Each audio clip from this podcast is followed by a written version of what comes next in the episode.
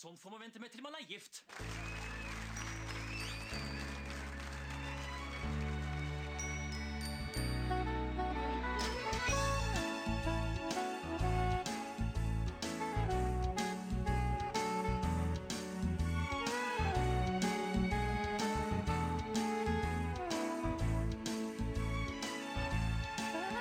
Hallo og velkommen til en eh, ny episode av Norsk film filmpodkast, hvor vi ser norsk film med et kritisk, men eh, kjærlig blikk. Eh, mitt navn er Emil. Jeg sitter her som alltid med Stefan heter jeg.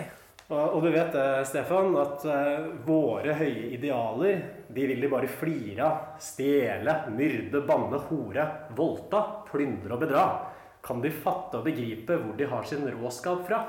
Men Emil, meget burde de beundre. Dresden etterlot de slik. Som en tundra med 500 med 500 000 lik. Hoi, meget burde de beundre. Vår kultur er høy og rik. Jeg vet det, Stefan, men du kan jo også tenke over at vi har kjempet for moralen, for et renslig, åndelig liv. Ungdommen er vill og galen, syk og rå og destruktiv. For kulturen, for moralen, for et renslig, åndelig liv. Men Emil, kampen gjaldt et renslig klima for kultur og disiplin. Ja, det stemmer. Ja. Stjele, myrde, brenne, hore, voldta, plyndre og bedra. Kan de fatte og begripe hvor de har sin Råskap fra. Ja, og de litteraturkyndige lytterne våre som jeg vet at vi har en del av, kanskje kjent igjen dette her allerede. Det er snakk om 'Ungdommens råskap' av Jens Bjørneboe, hans dikt. Og filmen vi har sett i dag, er selvfølgelig Margaret Olins dokumentar 'Ungdommens råskap'. Folkens, nå har vi prøve! Det betyr at vi holder munn. Ja, hva sier du? Thomas? Som jeg sa i stad, hvis politiet kommer med politiklær, og de som skal eksempel banke meg Tror du, de, tror du de banker meg selv om politiet er her da?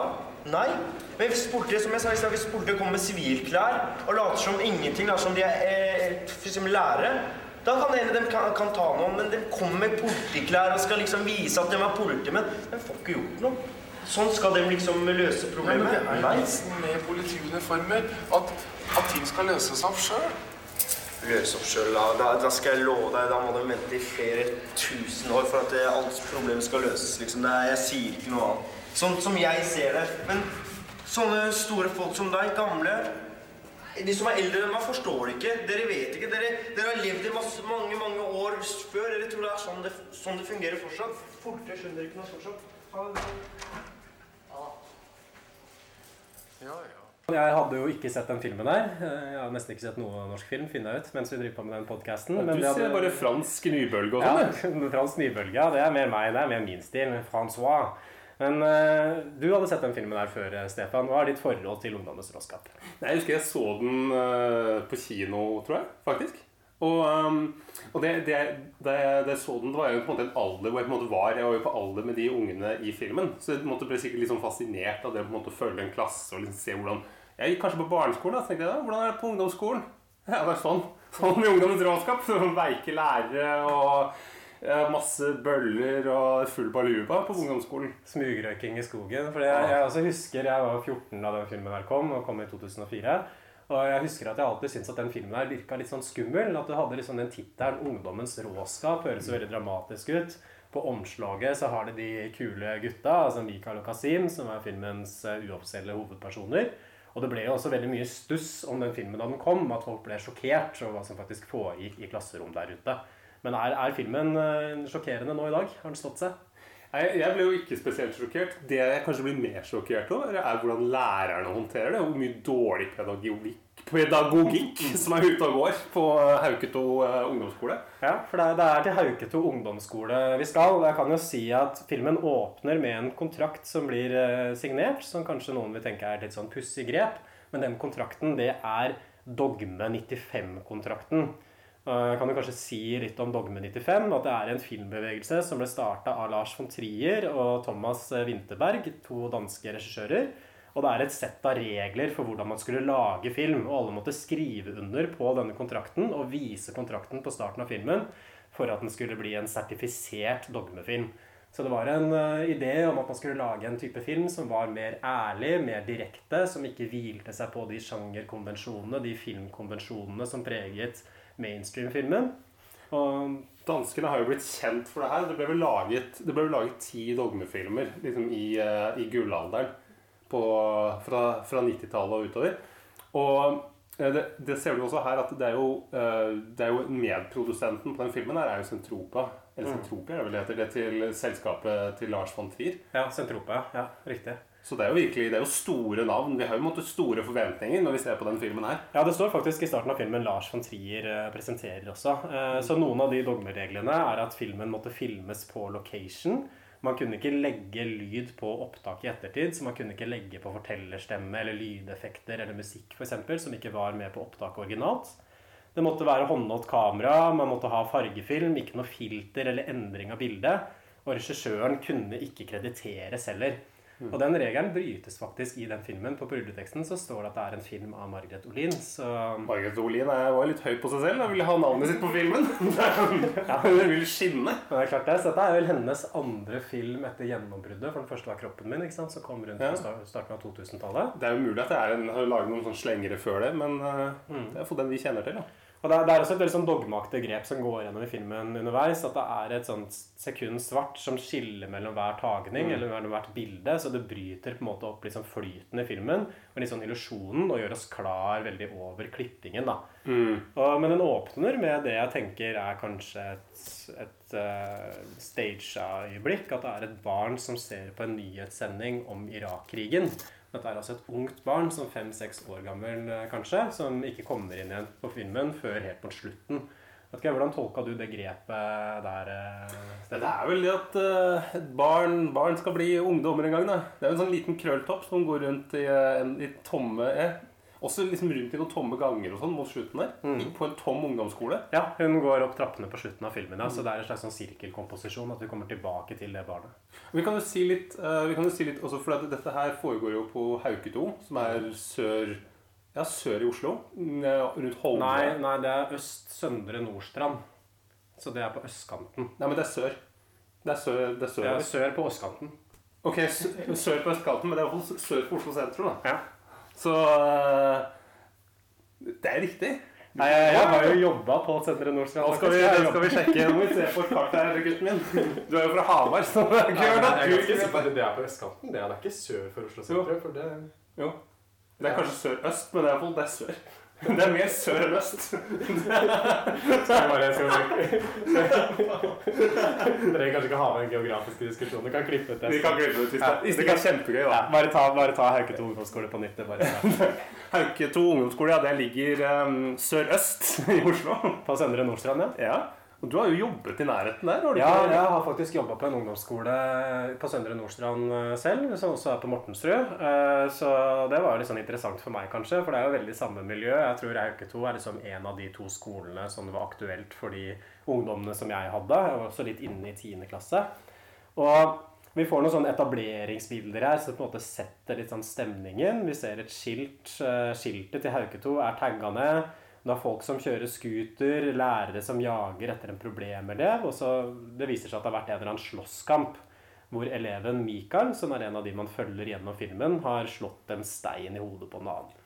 Du filmer som, som håndholdt kamera. Litt sånn at noen sier 'ikke film han, ikke film han', for da kommer han til å bli provosert og kaste stein. Ja. Så vi på en måte skjønner at dette dette er harde gutter. Dette er virkeligheten. Folk som kjører på, på scootere liksom i full fart rundt på gangstier og sånn, og folk med hettejakker med caps under. Mm. Det er liksom, det er og seggebukser. Ja, seggebukser. Så det er veldig, veldig sånn tidsdokument, kan man si. Og det er også filma på video, tror jeg, og ikke på film. Så det bidrar til å gi en veldig sånn direkte følelse. Veldig sånn upolert uttrykk. Og håndholdt kamera. Det er kanskje en del av dogmereglene? Ja, det er en del av dogmereglene. Skal være håndholdt. Og det er faktisk eh, Kim Hjorte, kan man nevne, som har eh, kameraføringen i filmen. Ellers kjent uh, som musiker, også som lager en del plateomslag. Annet for Motorpsycho, så er Kim Hjortøy som har lagd de fleste. Han er, ganske, han er jo en ganske sånn habil illustratør og har lagd noen barnebøker og sånn også, faktisk. Ja, Kim Hjortøy er en veldig kul fyr, altså. så det, det var liksom Kjenner han personlig? Nei, nei, jeg, det var kul. Han virker som en kul type. Jeg skulle ønske at jeg kjente Kim Hjortøy. Å, jeg også. Skulle vi tatt en øl med han etterpå? Og vi får en innledende diskusjon at de går inn i et klasserom hvor de diskuterer hevnkultur og vold som løsning på problemer. Og læreren sier at dette her er ikke sånn man løser problemer i Norge. Og man framstiller på en måte vold som om det er et sånn særegent muslimsk problem. Mm. Og jeg tror det kanskje var liksom poenget med den litt sånn uelegante åpningen med Irak-krigen. At Irak-krigen og på en måte volden fra Vesten mot Midtøsten ligger liksom et bakteppe i filmen. Mens i lærernes kultur, og særlig også for de norske elevene, så framstilles det å være voldelig og det å være brutal på en måte som noe de fremmedkulturelle har tatt med seg inn til Norge. Så det er først av mange eksempler på sånn dårlig skjult rasisme egentlig, som disse ungdommene blir utsatt for. Ja, og det er, den der, det er jo litt den der tydelige sånn, den 90-talls 2000-rasismen. At det er sikkert ikke, det er ikke vondt ment, man bare vet ikke bedre. Ja, men det er mer utilslørt. At de snakker om dette her på en måte som man absolutt ikke kunne gjort nå i. Nei, nei. at utlendingene er dumme der hvor de er, så lenge de er i land. Og jeg er for så vidt litt enig med at det er mange utlendinger som kommer til Norge, og så liker de ikke nordmenn. De sier at eh, norske jenter er horer og sånne ting. Jeg sier jeg ikke har noe her å gjøre. Men eh, altså, hvis vi klarer å oppføre oss norsk, så er det greit. Men eh, så lenge de ikke liker oss, så jeg ikke har noe å gjøre. Så klarer de at nordmenn er rasister. Men det er ikke så rart når vi bare får negative inntrykk av dem. Sling deg foran tog. Altså Det som er så kjedelig med at det blir så mye globalisering, er at det blir til slutt ikke noe spennende å dra til andre steder, for alt blir jo samla, hele verden blir jo lik. Man får altså introduksjon til eh, den andre av filmens to hovedpersoner, altså Kasim, som snakker om at det lønner seg ikke alltid å gå til politiet. Det er bedre å løse problemene på egen hånd. Og um, kritiserer også læreren. Dere gamle skjønner ingenting. Politiet skjønner ingenting. Og læreren bare smiler litt sånn til kameraet sånn Ja ja, herregud, hva skal man gjøre med disse gærne gutta? Man må jo bare le og prøve å gjøre det beste ut av det. Ja, for det er jo helt bak mål. Og vi kan jo, det vi kan gjøre, er jo å introdusere For det er jo en lærer som vi følger veldig mye, som heter Erik. Som er en sånn eldre, flintskalla fyr med litt sånn rund, eh, litt sånn rund fyr med, liksom, med briller.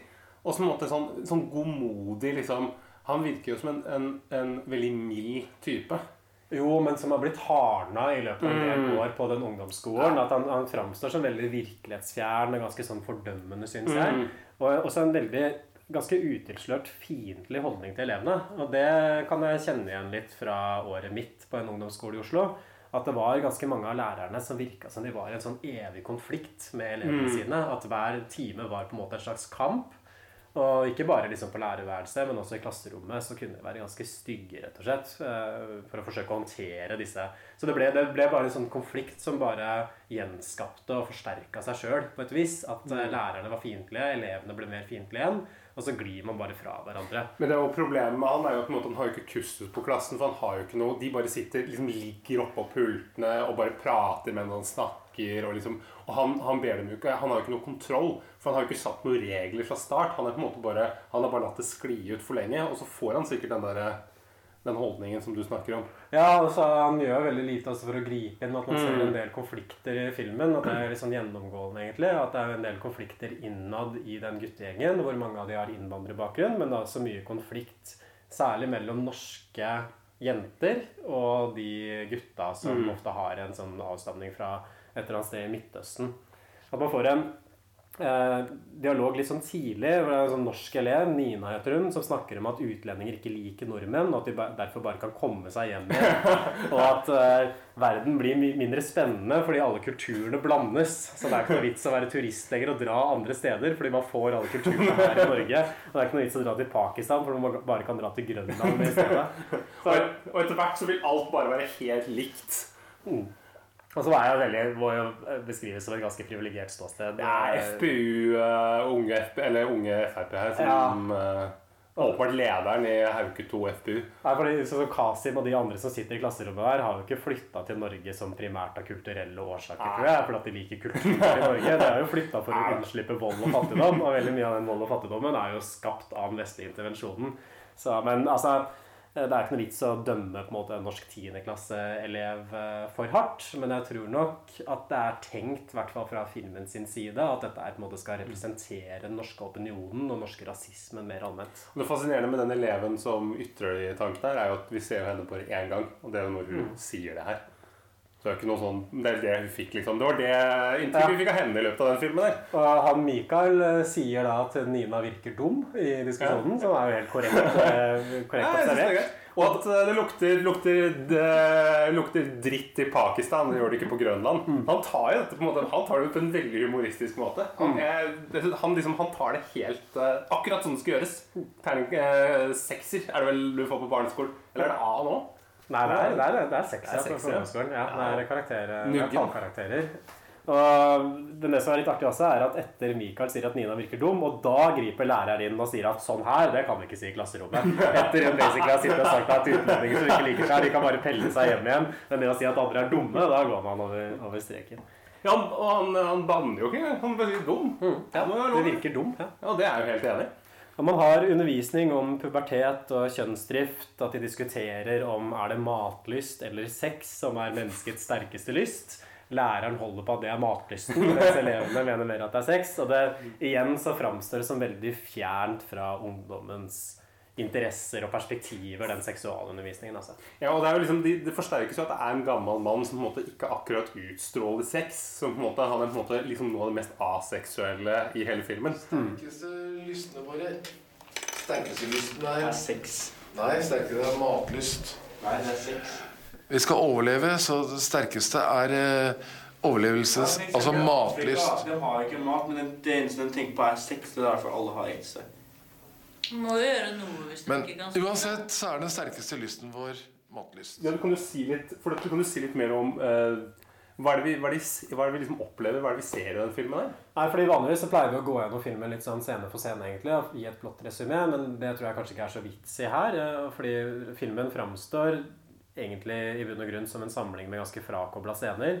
Du har en scene hvor de er på en friidrettsbane som jeg syns virker veldig sånn retningsløs. Mm. Varer veldig lenge også, egentlig. At det er mye at han Mikael skal kaste en ball, og at han forsøker å slå en eller annen rekord, men eh, det munner ikke ut til noe. Man får en scene hvor de står i en undergang og battler litt. Eh, Det er en ganske bra freestyle der av en kommunist i Che Guevara-T-skjorte. En ting som slår meg, er at jeg syns jo dette her virker jo veldig uskyldig. Også til og med de konfliktscenene. Og litt imot det inntrykket som filmen hadde da den kom, at dette her er veldig avslørende. Dette her viser på en måte den norske virkeligheten slik vi aldri har sett den. Det kan jo hende at Norge var mye mer uskyldig da. Men sånn fra dagens perspektiv så er det veldig lite av dette her vi syns er sjokkerende, som man ikke forventer å finne i et hvilken som helst tiendeklasserom overalt i Norge, egentlig. Jeg trenger ikke å være på østkanten lenger. Det, det, eneste, det eneste er kanskje på en måte at lærerne har lite kustus på elevene, og at folk, noen ligger oppå pulten og sånne ting. Det, er på en måte, det har jeg ikke sett uh, Ikke der jeg kommer fra, i hvert fall. Men, Nei, at de drikker cola i klasserommet, og at de, drikker, og at de har med på haps og caps. Og begge de to tingene var jo strengt forbudt på ungdomsskolen der hvor jeg jobba. Mm. En litt sånn artig greie der var at lærerne de omgikk det colaforbudet ved å helle cola oppi kaffekoppen sin. For da kunne de ta med seg colaen inn i klasserommet, så kunne de drikke det fra kaffekoppen uten at elevene la merke til det. Ja, skal jeg tenke litt over. Sånn der, hvis man er så ekstremt gira på cola at du må ha det med deg inn til og med en undervisningssammenheng Du kan ikke vente du kommer tilbake på klasserommet. Men det er kanskje en sånn liten seier da i hverdagen, så for mange var veldig tøff. Dessuten syns jeg det taper seg når du får det i keramikk. Det gjør seg mye bedre i glass. Har du tenkt på det? Du får ikke fram colasmaken. Nei, det blir litt som å drikke øl fra kopp. Mm. Helt bra. De diskuterer også kjønnsproblematikk med læreren. Eh, Her syns jeg at læreren blir litt sånn eid av han Kasim. Han Kasim framstår egentlig som en ganske intelligent fyr, syns jeg. Ja, han, er jo, han, er jo, han er jo spart. Han bare gidder ikke å jobbe. Nei, eller, eller han skjønner på en måte at skolen ikke er til for han, tror jeg. At han passer ikke inn der, og han går inn i en sånn opprørsdynamikk.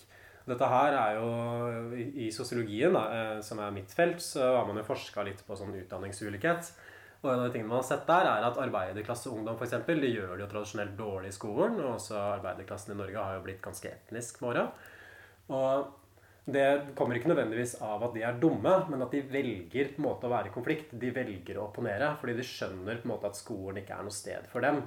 Og det får man jo veldig bekrefta i den filmen her også, fordi læreren driver og sier sånn Ja, kanskje det er greiere i de landene der du kommer fra, der hvor mannen bestemmer alt. Og Kasim svarer 'Hvordan veit du hvordan det er i landet mitt?' Du har da aldri vært i Pakistan, du. Hvordan kan du sitte og uttale deg om det?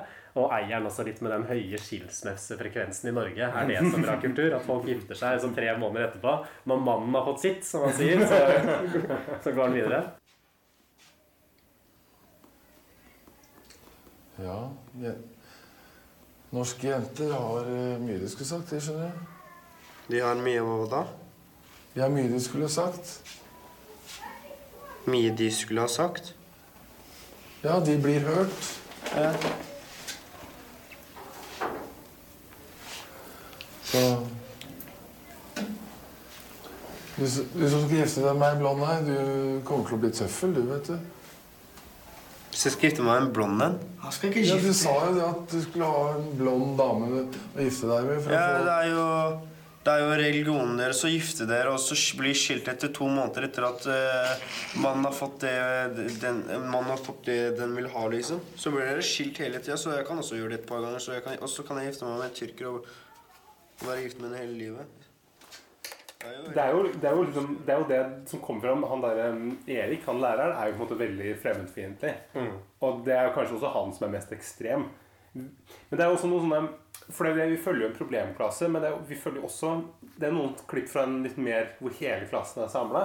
Og da møter vi også litt andre lærere og litt andre karakterer. Da møter vi bl.a. ei jente som på en måte Det første som skjer, er på en måte at du har blitt drapstrua av en eller annen, som sier at jeg skal drepe deg. Og så kommer det en lærer og sier at nei, men han mener det ikke alvorlig. Han bare, det bare sier han. Og hun er jo helt på gråten. helt sånn, Hun virker som en sånn følsom type. Mye hormoner og sånn. Men, øh, men likevel. Det, liksom, det tas liksom ikke så veldig alvorlig. Det er sånn, ja, Bare ta det med ro. eh, Slapp av. Ja, Det virker mer som at lærerne oppildner konfliktene litt, egentlig. De lar det i hvert fall gå veldig langt da, uten å gripe inn og ta ganske sånn tydelig stilling. eh, Ta ganske tydelig side. Altså, på slutten av timen så går alle ut, og så sier læreren ha det til hun Annelise, som hun heter. Den eleven sier ikke ha det til Kasim.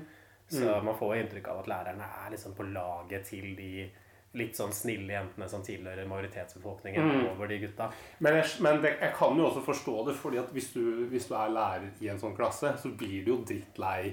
Du kan jo på en måte ha sånne heroiske forestillinger om at liksom ja, du skal behandle alle likt, men du blir jo, hvis du går til det der hver jævla dag, og sånne elever som ikke gidder å gjøre en dritt, så blir du jo lei. Og så er det faktisk noen som da på en måte prøver litt mer. Ja, jeg merka at jeg kunne ha det perspektivet sjøl. Det så man veldig tydelig der hvor jeg jobba. At det var en veldig sånn kjønnsubalanse, egentlig. At jentene var som regel veldig snille og satt rolig og på en måte gjorde det som de skulle. Bortsett fra noen sånn tydelige problemjenter. Mens gutta var mye mer av og på. Og du hadde også sånn tilfeller hvor egentlig ganske skoleflinke gutter ble på en måte dratt Ja. inn i opprøret. Sånn særlig sånn 9.-10. klasse, liksom puberteten og alt det som herjer. Man forsøker å passe inn. Og det ble ofte en sånn klasseromsdynamikk, at du kunne ha et sånn uromoment. da, Som jeg egentlig ikke føler at Kasim er. Jeg syns ikke han framstår som så ulydig sånn sammenligna med de elevene som jeg hadde. fordi det var mye mer ja. Og hvis vi har hatt 120 timer råmateriale, som den filmen her åpenbart har, og de har kokt ned til halvannen time, så er det ikke, da har de sannsynligvis valgt ut noen av de verste tingene. Og da synes jeg han, det, er, det er noen konflikter hvor han blir provosert.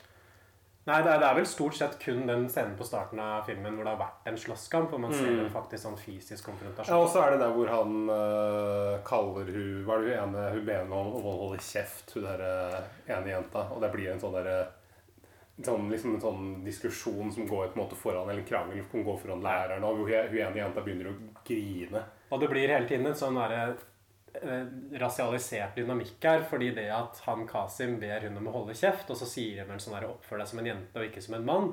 Sant? Det tolkes ikke som en dårlig holdning som han har nødvendigvis. Det tolkes som ut fra hans kultur. da. Dette her sier du fra, fordi du er fra et muslimsk land, og sånn kultur skal man ikke ha i Norge. Så det er en sånn tendens til at de tingene som han kommer med, og hans utspill, måtte tolkes ut fra hans etniske identitet. På en måte som jeg ikke opplever at skjer med de andre norske elevene. Det er vanskelig å si, fordi filmen gir oss ikke så veldig mye å tygge på her. At det er ganske sånn sketchy, kjappe scener, klipper fort videre. Ofte så dveler man også med ting som på en måte kanskje ikke er så veldig interessant og så veldig givende. Jeg skulle ønske at de gikk mye lenger inn da, i disse konfliktene og kunne gi oss litt mer. Kanskje også vært litt lengre, egentlig, for filmen er veldig kort. Eh, vi har også en demonstrasjon mot Irak-krigen foran Stortinget. Sånn litt før dette her så er det et sånn interessant klipp, for det er noen som har lagd en statue, statue av 9-11 i Sløyden. Altså av to svarte tårn, og så er det et fly som krasjer inn i det, og så titulert den 'Revenge'. Men hvem som lagde den statuen, det opplyser ikke filmen om. Det kunne vært interessant å vite. Og Michael går i dette demonstrasjonstoget mot Irak-krigen foran Stortinget. Og det var en veldig stor greie. husker jeg, at Irak-krig-demonstrasjonene er vel de største demonstrasjonene i Vestens historie, tror jeg, i nyere tid. Men igjen så er det veldig vanskelig å vite sånn Hvorfor går han der? Hva som er motivasjonen hans? Har han bare blitt med fordi det er gøy? Har han en eller annen sånn politisk bevissthet? Er han han ser han seg liksom? selv i relasjon til Irak-krigen og konflikten mellom Vesten og Midtøsten? Man ser at han går der, men man får liksom aldri noe innblikk i hans perspektiv. At uh, filmens blikk blir veldig frakobla. Og jeg syns også det er en veldig sånn tydelig avstand i filmen. Litt på måten den er lagd på, og litt på måten som jeg tror kanskje er et sånn kunstnerisk valg, egentlig, som ikke fungerer så godt. Uh, som bare blir mer sånn påtagelig, altså denne avstanden, når filmen forsøker å på en måte gå inn i det politiske og situere det litt mer i en sånn politisk kontekst. da. Ja, jeg, jeg, får heller, jeg får heller ikke helt tak i det, men om han på en måte er det bare for å bølle, eller om han på en måte er det for at han er noe engasjert. Ja, Eller fordi det er en venn som har dratt den der. Mm.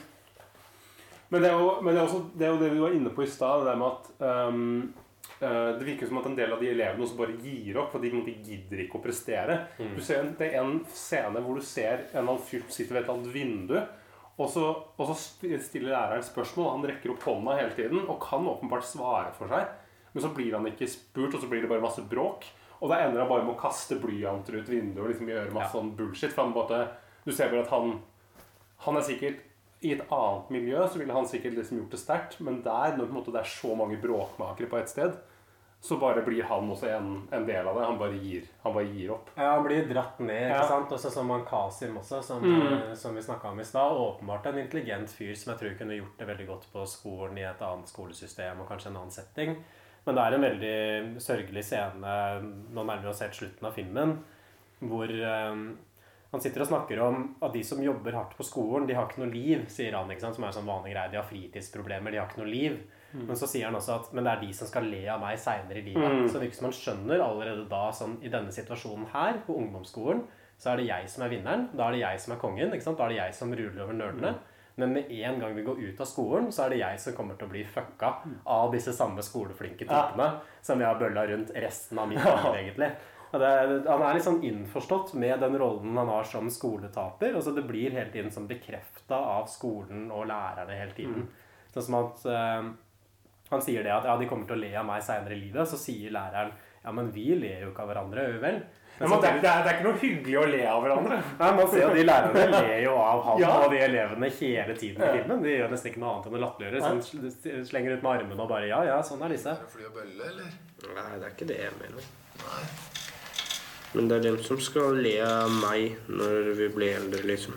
Nei, man ler ikke av hverandre. Man gjør jo det. Nei. Man gjør det. Gjør ikke du det? Nå regner du C. Det regner den der. Det er en scene også på slutten hvor han får standpunktkarakterene sine.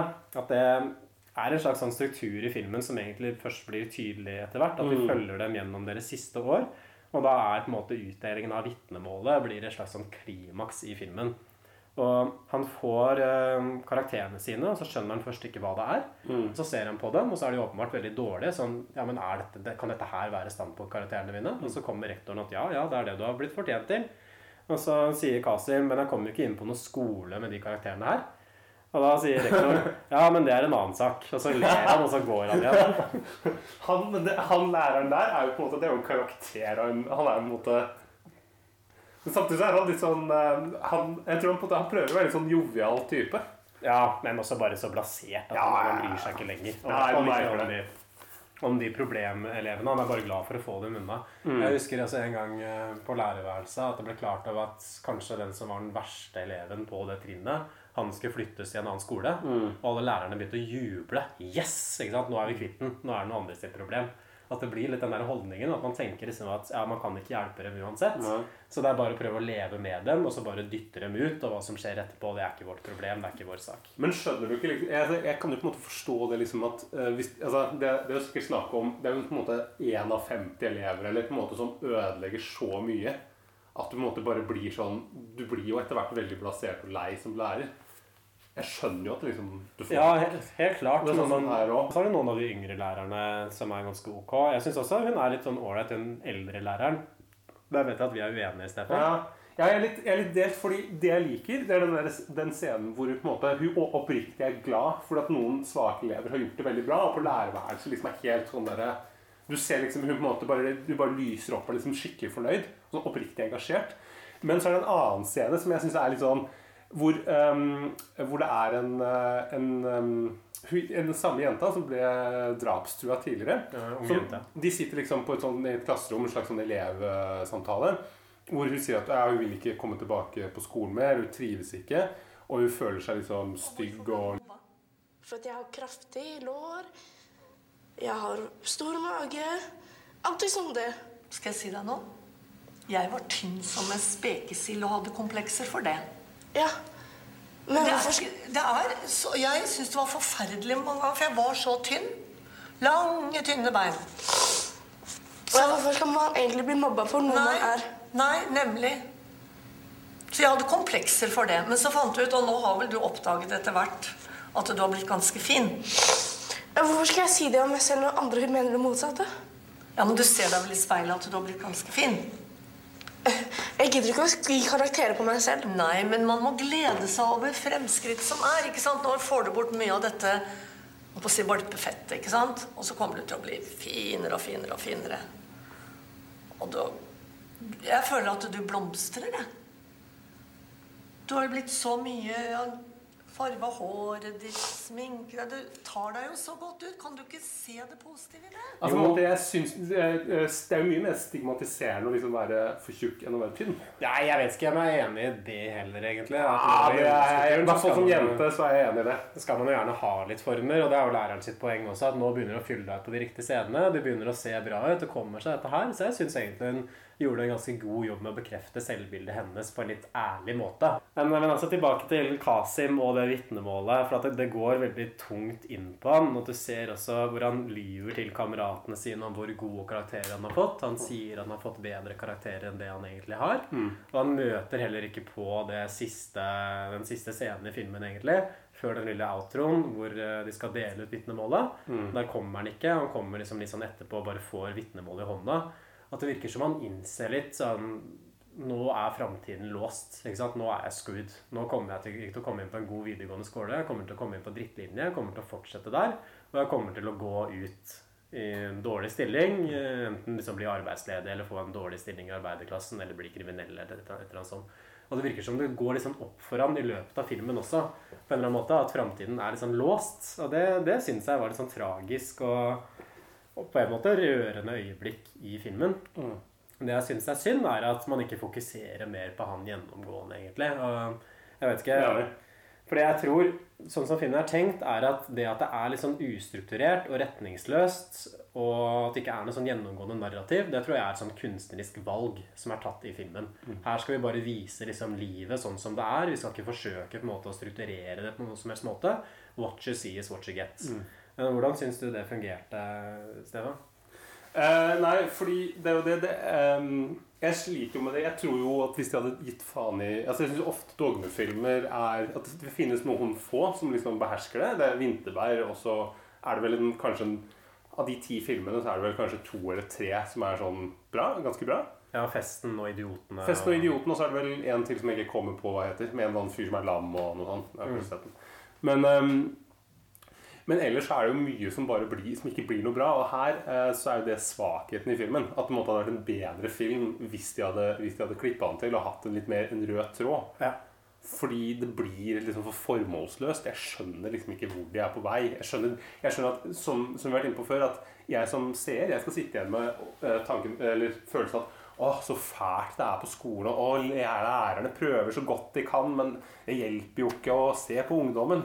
Hvor- Hvordan skal dette her gå? Og spesielt, liksom, jeg, vil, jeg vil i hvert fall ikke flytte til Hauke 2 eller Haug, Haug eh, nei, Holmlia, liksom. Der vil ikke jeg bo. Der er de helt gærne. der.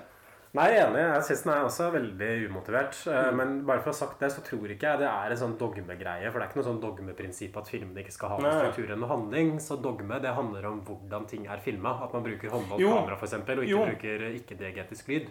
Jo, men ofte så er det Men det er jo det som er problemet at uh, mange av de filmene igjen blir um, At du skal, du skal på en måte ha en, en ganske klar idé for at det konseptet skal funke, når du på en måte Når det er så mange, mange deler av filmen som mange, Eller mange elementer du har tilgang til som du på en måte ikke får brukt.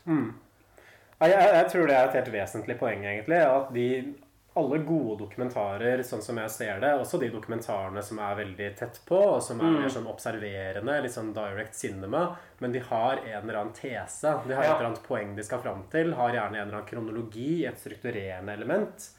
Og her framstår det nesten som om scenene kommer i sånn tilfeldig rekkefølge. Og jeg tror kanskje at tanken her er at nei, det er sånn livet er. Livet er bare disse glimtene. Livet er fragmentert. ikke sant? Livet er uten kontekst. Men det syns jeg ikke er helt sånn riktig, egentlig. fordi for de som opplever og le lever det livet sjøl, så er det ikke sånn at de opplever livet sitt som en serie av tilfeldige hendelser. ikke sant? Folk har et narrativ. Sånn var det jeg endte opp der jeg gjorde. Mm. ikke sant? Dette her var det som preget året mitt. Og jeg tror også at Kasim og de andre Jeg vet ikke om de ville kjent seg igjen i det som presenteres, fordi man hele tiden ser dem som ekstremt distansert. Så det blir en sånn merkelig spenning mellom det som er veldig direkte og nært, som på en måte er stilen. Mm. Og da syns jeg man har fått til veldig mange sånn flotte scener, egentlig. Som man har fått oppmålt. Det at man liksom har filma over såpass lang tid, så man kommer Ja. virkelig tett på de ungdommene, i hvert fall sånn kameramessig. For du merker at ungdommene liksom er vant til at kameraet er der. Ja. Det har på en måte blitt filma så mye at de måtte tenke på Mm. at kameraet er der. Så Ja. det er jo gjort helt riktig. Ja, De virker ikke noe sånn tilslørt eller på i det hele tatt, egentlig. Men Noen av lærerne gjør det, faktisk. Ja, men det kan jeg jo tenke meg, fordi de er jo en helt annen posisjon. Ja. De er jo yrkesutøvere. Ja? Tenk å bli tatt liksom klagd inn til eh, Undervisningsdepartementet eller noe for at du gjør noe, gjør noe feil. Ja, hvis, hvis den filmen hadde kommet nå i dag med samme innhold, så ville det nok vært noen lærere og rektorer som måtte gått, tror jeg. Tror du rektor hadde måttet gå? Han, eh, han med blazeren? Han som deler ut karakterene? Jeg tror det hadde blitt et medieopprør. eh, Men, men det sier jo et eller annet om hvordan tiden har forandra seg også. Det er ikke helt rettferdig å dømme folk for hardt. Det er jo sånn 17 år siden nå. Men i hvert fall Det er et eller annet med dette her som bevisst formløse i filmen som egentlig blir sånn provoserende, syns jeg. Det der fraværet av vinkling, fraværet av kommentarer. Det trenger ikke å være en voiceover som forklarer det vi ser, men igjen, ikke sant, som Stefan sa, at man har 120 timer film med råmateriale. Og man har mer enn nok til å på en måte kunne klippe fram en eller annen struktur, en eller annen narrativ. Og jeg tror at hvis man hadde strukturert det litt mer, så tror jeg det ville framstått som mer virkelig, egentlig, enn det man endte Mm. opp å få. Men, men altså, til og med, Man får ikke noen sånn følelse av Hauketo skole som en skole heller. Man veit ikke sånn hvor mange som går der, f.eks. Man vet ikke hvilken klasse man følger. Mm. At Man klipper jo mellom en sånn normalklasse og de elevene som er i gruppe, tror jeg. Som er de gruppene som man tar ut med de som er svakest i norskundervisningen. De får Mm. gruppeundervisning i egne rom. Så jeg tror man følger litt av det. Men man får ikke noen sånn idé om ja, hvordan er det skolebygningen ser ut? Hvilken klasse er det Kasim i? Går Kasim og Mikael i samme klasse? Det veit man jo ikke. ikke? Man får ikke noe sånn de tingene som skaper på en måte en innlevelse i dokumentaren, og som på en Mm. måte formidler virkeligheten, og som gjør at det blir litt sånn engasjerende, da, som gjør at det føles troverdig ut og faktisk føles som et univers. Mm. Det er bare masse sånn frakobla ganger, og så er det masse ulike klasserom, og alt ser helt likt ut. Og så står du ute i skauen, og så står du foran gårdsplassen. Ja. At man kunne gjort mye, mye mer bare ved å etablere på en måte Hauketo som sted, Mm. og den ungdomsskolen som et sosialt miljø. Helt enig. Og det, men det virker det nesten som at man av prinsipp ikke har hatt lyst til, eller at man bare ikke har hatt mul evnen til det, kanskje. Sånn, det, er, det er en voldsom svikt i klippingen her, syns jeg, som skjemmer hele filmen. Ja, jeg, jeg får inntrykk av at det, måte er, at det er litt eh, Man har tenkt å, så kult at vi måtte få måte får, skal lage en sånn eh, dokumentar. Mm. Og så blir det Og så er det det som liksom også ødelegger hele filmen. At måte man har blitt for liksom stolt, for hypa på det. At man bare, bare skulle lagt det seile sin egen show, lagd en tradisjonell dokumentar. Ja, Man har misforstått tror jeg, liksom, hva som gjør at Ja. en dokumentar oppleves som virkelig. At det som måtte oppleves som virkelig, er på en måte ikke at det liksom filmer bare masse tilfeldige scener og så setter det sammen på kronologisk vis. Det er det at det formidler et eller annet. Men jeg husker jo Jeg leste anmeldelsen av filmen fra da den kom, og da var det veldig mye fokus på at ja, filmen er så imponerende fordi den er så naturlig. Mm. Man har kanskje ikke hatt den type dokumentarfilm i Norge som på en måte var så direkte. da Uten noen fortellerstemme, uten intervjuer, som Mm. bare var sånn slice of life. Ikke sant? Nå har vi bare satt et kamera inn i klasserom og la ting utspille seg. Mm. Og, men nå i dag så framstår ikke det så unikt lenger. Fordi man har ganske mange dokumentarer og har et sånt medielandskap hvor man får mye mer av det. Og da blir jo effekten av filmen også ganske liten. Men i Norge, når man vant til en av sånn Einar Lunde-fyr som sto og kommenterte og liksom en sånn belærende stemme, så var kanskje dette her veldig nytt. Ja, i Norge. Ja, det Men det. I utlandet så hadde man jo laga den type dokumentarer, sånn cinema verité-greier, i 70 år, ikke sant? Ja. Og på en mye bedre vis. Men selvfølgelig, da, hvis du satt på liksom, eh, litt oppi bergsprekken oppi knausen her, da, på en måte, og bare gikk på liksom, eh, bygdekinoen og, på en måte, eller bare så norske filmer, så tenkte du sånn Å, tenk det! Dette her var noe nytt. Det Ja, det blir jo liksom den der bra til å være norsk-greia Ja. som man alltid hadde med norsk film. Da, at det var en sånn dobbeltstandard. Men det, det er som vi snakka om som jeg var i Oslo, at er det mulig at kvalitetsindikatorene var så lave? At, at forventningene var Mm. så lave at Hawaii Oslo kunne liksom vinne prisen for årets beste Ja. norske film?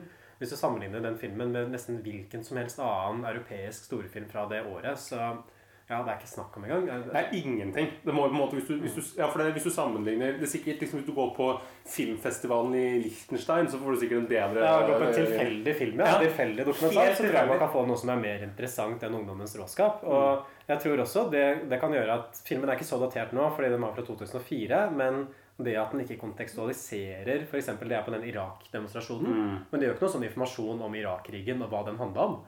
Så for et sånt publikum som ser den filmen her om kanskje 50 år, da, så blir det helt på. umulig å forstå og henge med i det hele tatt. Mm. At det, det er en slags sånn tidskapsul, men på en veldig dårlig måte. Da, Ja. Hva sier man da? Skål! Nei, skåle gjør man bare med alkohol. Brus. Apropos, eh, vi, har jo alltid, vi snakker jo alltid om kjendiser i filmer. Og her så er det jo faktisk en kjendis som dukker opp. Tenk det, i en dokumentarfilm. Hvem er det, Emil? Nei, det er, eh, det er eh, en fyr som spiller i bandet Tulsa Doom. Dette her fikk jeg beskjed av en kollega, så jeg kan ikke navnet på han. Men han er visstnok lærer i denne filmen. Så de av dere som er fan av bandet Tulsa Doom, så er det en rå- rødhåra fyr som spiller i det bandet. Han tror vi er en av lærerne i den filmen. Vi har ikke fått det bekrefta. Men det er jo en som er mye større for folk flest, og det er jo selvfølgelig Cess. Uh, Cecilie Sterman Næss. Hun er jo med her på en måte i to klipp. Både liksom som elev, hvor du sier et eller annet med en eller annen fyr med noe som, som begynner å snakke om uh, vaginaer, og så sier du ja, 'Har du noen gang sett en vagina?' du?» Så det er litt sånn der på, litt sånn treffsikker. Og i slutten, hvor måte synger uh, Hva er det du synger? I'm so, oh, I'm so excited, eller noe sånt. En eller annen låt, i hvert fall. Og den obligatoriske, litt sånn halvdårlige sangnummeret på skoleavslutningen. Ja, men hun er veldig, hun skal si, altså, Det hun mangler på talent, det gir hun tilbake på engasjement. Ja, og det er jo bra at eh, hvis eh, Ungdommens råskap kunne tjene til noe, så var det å kickstarte karrieren til uh, Cess. Så kanskje, kanskje jeg rett og slett skal lese opp eh, et lite sitat her fra omtalen til vårt eh, store forbilde Birger Vestmo. Og så kan du kanskje Norges beste filmanmelder. Og så kan vi jo avslutte, skal vi jo avslutte eh, episoden med et klipp fra en av låtene til Cess, fra hennes store hit. Filmen gir en god beskrivelse av kløften mellom gammel og ung. Den har alltid vært der, men synes å bli stadig større.